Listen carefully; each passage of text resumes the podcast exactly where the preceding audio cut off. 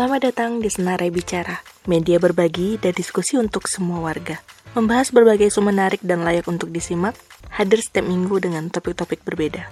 Mulai dari sosial, politik, korupsi, lingkungan hidup, budaya, hingga sastra. Senarai Bicara hadir di tengah warga, karena di sini ruangnya kamu untuk bicara.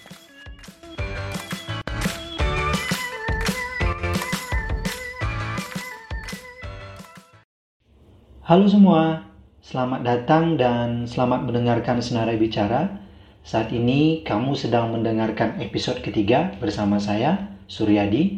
Seperti biasa, kita akan hadir setiap Kamis di ruang dengar kamu, menyajikan berbagai obrolan yang bermanfaat yang saat ini ramai diperbincangkan. Kalau kamu pendengar baru Senarai Bicara, jangan lupa klik follow supaya nggak ketinggalan episode baru kita.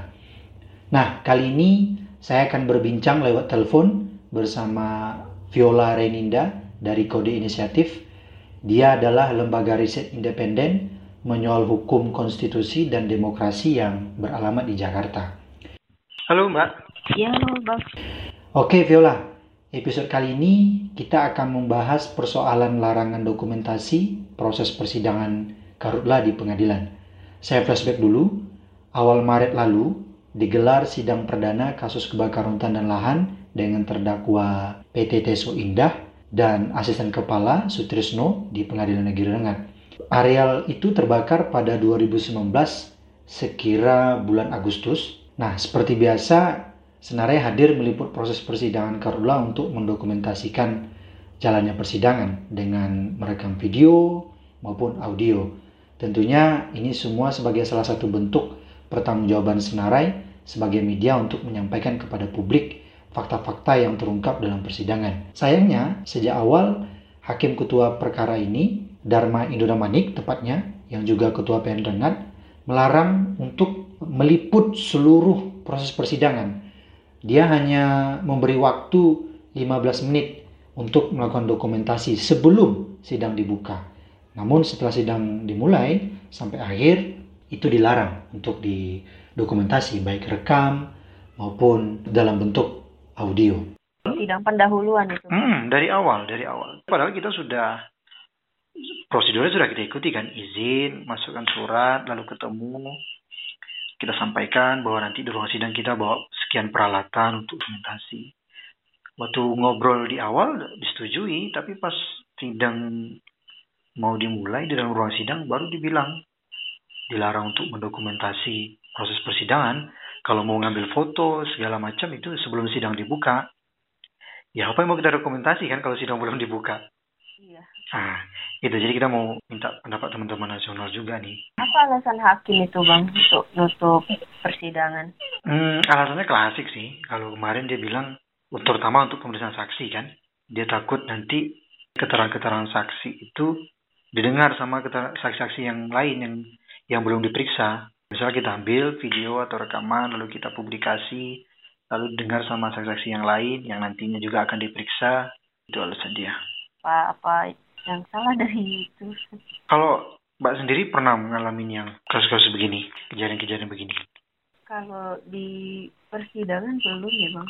Karena selama ini saya seringnya bersidang di Mahkamah Konstitusi dan memang persidangan di sana relatif sangat terbuka kalau soal ini sih pada prinsipnya kan di di semua peraturan yang mengatur tentang kekuasaan kehakiman dan juga tentang persidangan eh, pada prinsipnya kan semua sidang pemeriksaan di pengadilan itu kan terbuka untuk umum ya Pak. Kecuali ditentukan lain di dalam undang-undang. Tapi pun yang diatur lain yang sifatnya sidangnya sifatnya tertutup itu kan juga terbatas perkara-perkara tentang keluarga misalnya hmm. yang ter terdakwanya anak-anak atau yang menyangkut rahasia militer dan rahasia negara. Kalau persidangan yang sedang pantau ini kan soalannya tentang kebakaran hutan dan lahan karhutlah. Kalau kita lihat satu persatu undang-undang kehutanan misalnya atau perlindungan dan pengelolaan lingkungan hidup, UPPLH, undang-undang perkebunan, nggak ada satupun pasal di sana yang mengatur tentang sidang bisa dilakukan secara tertutup. Secara normatif sendiri menurut saya itu melanggar berbagai ketentuan hukum yang berlaku. Alasan yang disampaikan oleh hakim pun menurut saya nggak bisa diterima juga. Dia harus memberikan landasan hukum yang komprehensif terlebih dahulu untuk menutup persidangan. Dan saya pikir pada prinsipnya itu kan pengadilan itu kan sarana dari negara untuk memberikan keadilan dan juga untuk memulihkan hak-hak publik atau hak-hak individu yang sudah terlanggar. Nah, patut juga untuk diketahui umum apa-apa saja yang dibahas di dalam persidangan. Dan kalau mau juga kita bisa kaitkan sama konstitusi di dalam untuk mengetahui informasi seperti ini sifatnya itu hak konstitusional warga negara apalagi kan kenarai di sini kedudukannya sebagai pers gitu. Hmm. Ini sudah melanggar pasal 28 F Undang-Undang Dasar soal hak atas informasi publik dan saya pikir juga bisa sekali dikaitkan dengan prinsip dari kekuasaan kehakiman yang merupakan kekuasaan yang merdeka dalam menyelenggarakan peradilan kan dua hal yang penting dalam kekuasaan penyelenggaraan kekuasaan kehakiman itu adalah penyelenggaraan prinsip independensi dan juga imparsialitas. Dengan sidang dilaksanakan secara tertutup ini, maka perlu dipertanyakan saja di ada kemungkinan-kemungkinan hakim yang bersangkutan itu sudah mencoreng nilai-nilai independensi dan imparsial, berarti bisa saja ada kepentingan-kepentingan lain atau tujuan-tujuan lain selain keadilan yang sudah mencemarkan peradilan. Kalau dia berargumen alasan yang selalu dipakai adalah kewenangan dia untuk menentukan boleh atau tidaknya mendokumentasi. Apa yang dia langgar dari statement seperti itu? Yang dia langgar adalah kalau kita lihat di Undang-Undang Kekuasaan Kehakiman itu pasal 13 sudah secara jelas kok menyebutkan bahwa semua sidang pemeriksaan pengadilan adalah terbuka untuk umum kecuali undang-undang menentukan lain. Dan hmm. kalau kita lihat lagi pasal 153 ayat 3 KUHAP, Kitab Undang-Undang Hukum Acara Pidana, uh, untuk pemeriksaan persidangan, ketua sidang itu menyatakan sidang terbuka untuk umum kecuali dalam perkara mengenai kesusilaan atau terdakwanya anak-anak. Hmm. Tapi kan yang sedang disidangkan oleh para majelis hakim ini bukan perkara kesusilaan atau ataupun terdakwanya anak-anak. Jadi yang sudah dia langgar adalah undang-undang kekuasaan kehakiman itu sendiri dan juga undang-undang yang mengatur tentang prosedural hukum acara pidana atau KUHAP. Oke. Okay. Kalau pekerjaan senarai yang publikasi hasil-hasil persidangan dalam bentuk tulisan, video ataupun audio yang menjadi kekhawatiran dia terhadap pemeriksaan-pemeriksaan saksi yang lanjutan, apakah itu dibenarkan? Bagi saya tidak bisa dibenarkan ya, karena alasannya juga kurang kuat begitu.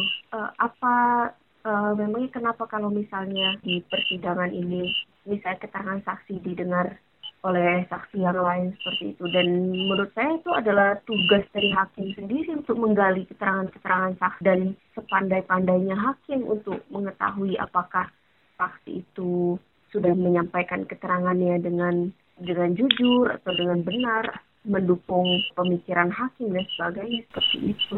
Saya pikir itu tidak bisa dibenarkan juga dan hakim juga perlu mengingat ketika sidang ini dilakukan secara tertutup, tentu ada secara prosedural proses persidangan itu sudah dilanggar dan hal ini bisa mengakibatkan putusan yang dihasilkan oleh hakim di kemudian hari sifatnya batal demi hukum.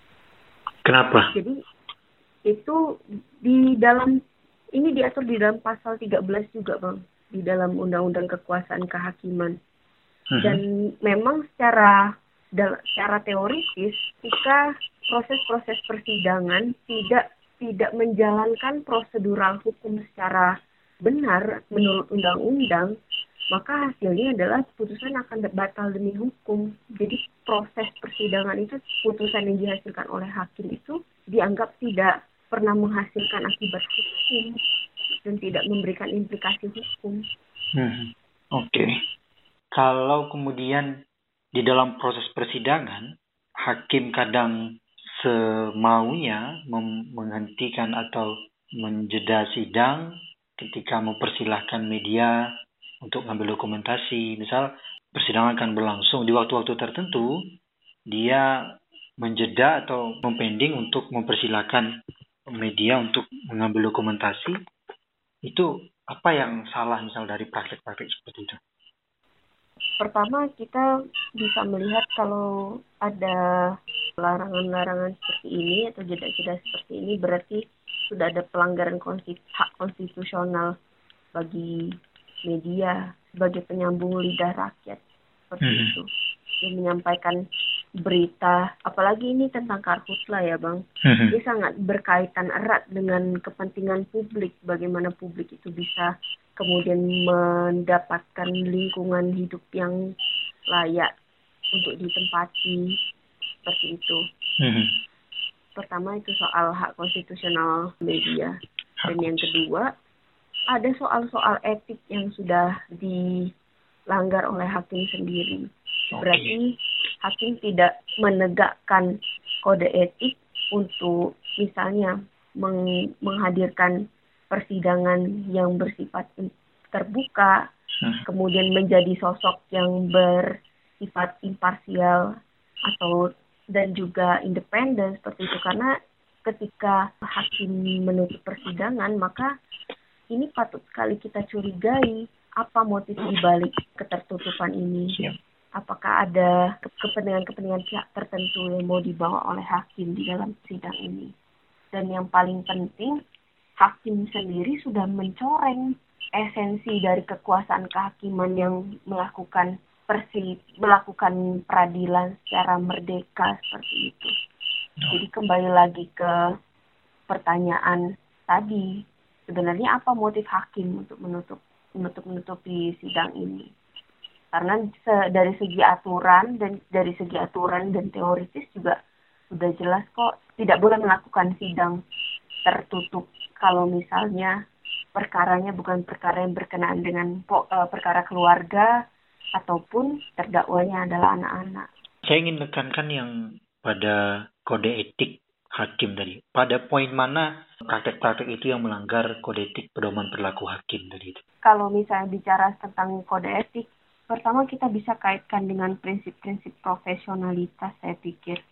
Profesionalitas. Karena saya pikir profesionalitas ini juga berarti hakim itu harus mengetahui apa saja yang menjadi aturan-aturan main atau prosedur dari penyelenggaraan satu persidangan. Dengan hakim menyampaikan seperti alasan yang disampaikan abang tadi kalau misalnya persidangan harus dilakukan secara tertutup supaya keterangan saksi itu tidak bocor, saya pikir berarti hakim tidak memahami secara keseluruhan apa yang dimaksud dengan aturan persidangan itu harus bersifat terbuka seperti itu. Kemudian yang bisa kaitkan juga dengan prinsip-prinsip integritas, independensi dan juga ketidakberpihakan hakim atau imparsialitas. Jadi kembali ke pertanyaan latar belakang hakim yang menutup persidangan ini. Karena secara normatif semuanya itu sudah jelas kalau persidangan harus dilakukan secara terbuka, tetapi ini secara tiba-tiba pada satu perkara yang melibatkan kepentingan publik yang sangat besar soal karhutlah pada satu perkara yang bisa menimbulkan satu judicial corrupt yang lain karena hmm. ada ketertutupan di sini. Bisa jadi dia berpihak ke salah satu pihak karena tidak ingin publik mengetahui isi dari persidangan itu dan sebagainya. Apakah ada kasus-kasus serupa misalnya yang seperti ini terjadi? Lalu ketakutan-ketakutan tadi itu memang ada benarnya? Kalau untuk kasus serupa, saya, saya pikir saya masih harus riset lebih dalam lagi bang karena saya belum tahu apakah ada kasus-kasus lainnya. Tapi saya pikir satu ketertutupan ini dan juga ketidakmampuan hakim untuk menjelaskan alasan ketertutupan secara rasional dan juga berdasarkan hukum, saya pikir sudah bisa jadi satu indikasi adanya kemungkinan judicial corruption itu dan pelanggaran-pelanggaran etik. Kalau kita kaitkan dengan undang-undang kebukaan informasi publik, Apakah alasan-alasan hakim juga bisa dibenarkan? Saya pikir nggak bisa juga dibenarkan karena yang kurang dari hakim itu tadi satu dia tidak menyebutkan alasan secara komprehensif dan bagi saya tidak tidak rasional untuk terima alasan-alasan seperti itu. Hmm. Dan pun memang di dalam undang-undang KIP itu mengecualikan adanya informasi publik yang tidak bisa disebarluaskan hmm. menurut undang-undang atau karena alasan-alasan tertentu. Nah pertanyaannya kemudian adalah alasan yang mana yang mau dipakai sama hakim. Mm-hmm. Saya pikir kembali lagi ke asas perundang-undangan soal lex spesialis. Lagi-lagi mm-hmm. kita juga harus tetap mengaitkan itu dengan undang-undang kekuasaan kehakiman. Mm-hmm. Dan dalam undang-undang kekuasaan kehakiman sudah jelas menyebutkan soal prinsip keterbukaan dalam persidangan. Saya pikir tidak bisa lagi dibantah-bantah oleh hakim mau dikaitkan dengan undang-undang KIP maupun undang-undang kekuasaan kehakiman dan juga undang dan juga KUHAP seperti itu. Hmm. Oke. Okay. Kalau edaran atau peraturan Mahkamah Agung sendiri, apakah memberi kewenangan kepada hakim menentukan boleh atau tidaknya informasi itu untuk dipublikasi? Iya, ada nggak misalnya uh, peraturan Mahkamah Agung atau edaran barangkali yang memberi kewenangan pada hakim menentukan sendiri persidangan itu boleh dipublikasi atau tidak. Maaf, kalau untuk edaran Mahkamah Agung sendiri saya belum baca secara banyak ya, tapi saya sekali-sekali melihat berita soal itu karena ada sema tentang tata tertib kalau saya nggak salah ya bang, mm -hmm. yang dinilai cara prinsip-prinsip keterbukaan dalam persidangan. Saya pikir ini juga tidak bisa dibenarkan apalagi seperti ini dia sudah melanggar aturan di atasnya melanggar hmm. undang-undang hmm. undang-undang kekuasaan kehakiman maupun kuhab dan juga undang-undang lain yang mengatur soal prosedur persidangan saya hmm. pikir ini nggak tidak bisa dibenarkan juga dan seharusnya hakim itu tidak menjadi sorong undang-undang sepenuhnya saya pikir hakim juga punya kapasitas untuk menilai sejauh mana satu aturan itu bisa memberikan kepastian hukum dan juga keadilan bagi masyarakat dan juga para pencari keadilan. Nah, ketika hakim menghadapi surat edaran seperti ini, jangan malah dijadikan satu pembenaran untuk berlindung, untuk menjustifikasikan sesuatu yang sebetulnya melanggar prinsip-prinsip dasar persidangan seperti itu. Hakim juga harus tegas untuk menggali dan memberikan keadilan Pak bagi para pencari keadilan. Saya pikir tema ini tidak tepat untuk diterapkan dan juga tidak tepat untuk dipertahankan. Hmm. Kalau kemarin kan sempat ada sema larangan memfoto, mengambil video segala macam kan sempat sempat keluar tapi kan udah dicabut lagi kan hmm. sema itu. Hmm. Maksudnya saya pikir apakah ada sema atau aturan dari Mahkamah Agung barangkali yang memberi kewenangan penuh kepada hakim itu sendiri untuk menetapkan boleh atau tidaknya mengambil dokumentasi atau mempublikasi hasil persidangan itu. Kalau untuk itu saya kurang tahu sih bang, tapi saya pikir yang perlu jadi pegangan utama hakim tetap undang-undang kekuasaan kehakiman, hmm. Dan undang-undang lainnya, karena kedudukannya kan hmm. secara hierarkis lebih tinggi undang-undang itu. Oke. Okay. Apa dampak misalnya ketika persidangan-persidangan yang mestinya terbuka tadi itu tapi dibatasi oleh hakim untuk diketahui oleh publik misalnya apa kira-kira dampak yang akan terjadi misalnya? Dampak yang pertama saya akan kaitkan dengan aturan-aturan mengenai hak konstitusionalitas uh-huh. warga negara.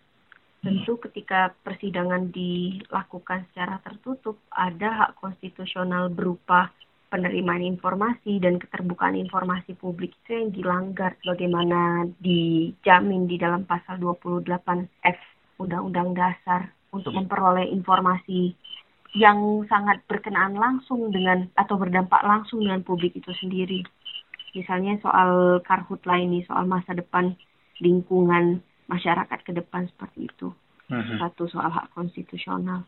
Kemudian ini juga berimplikasi kepada kepercayaan publik terhadap lembaga peradilan karena ketika peradilan itu dilakukan secara tertutup dan tidak bisa diakses oleh publik maka menimbulkan pertanyaan apakah pengadilan ini berpihak kepada pihak lain selain publik gitu, berpihak kepada berpihak pada pihak lain untuk tidak memberikan keadilan yang seharusnya diterima oleh publik.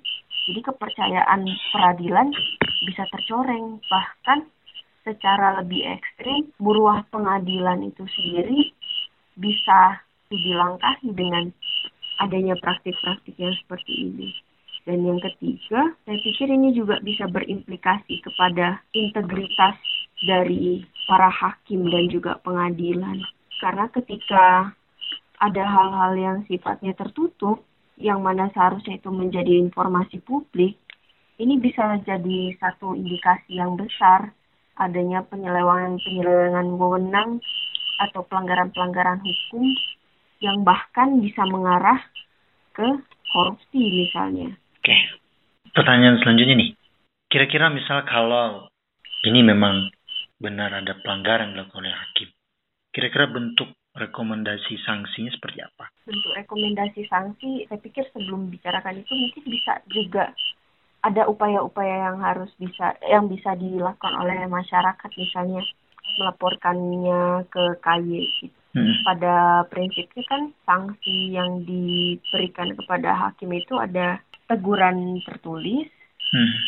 pemberhentian sementara atau bahkan pemberhentian secara tetap seperti itu. Saya pikir karena ini kan sudah empat kali persidangan hmm. dan dan saya pikir juga sudah di pasti sudah diperingatkan dengan teman-teman dari teman-teman senarai dan juga media-media lainnya saya pikir seperti itu.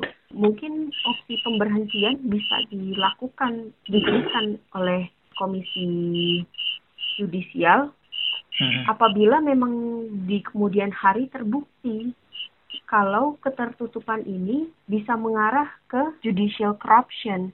Kalau misal kita. Kaji-kaji buruk misalnya, ternyata misalnya putusan nanti akhirnya membebaskan terdakwa, gitu ya, maka kecurigaan kecurigaan itu memang kuat adanya. Bisa jadi seperti itu.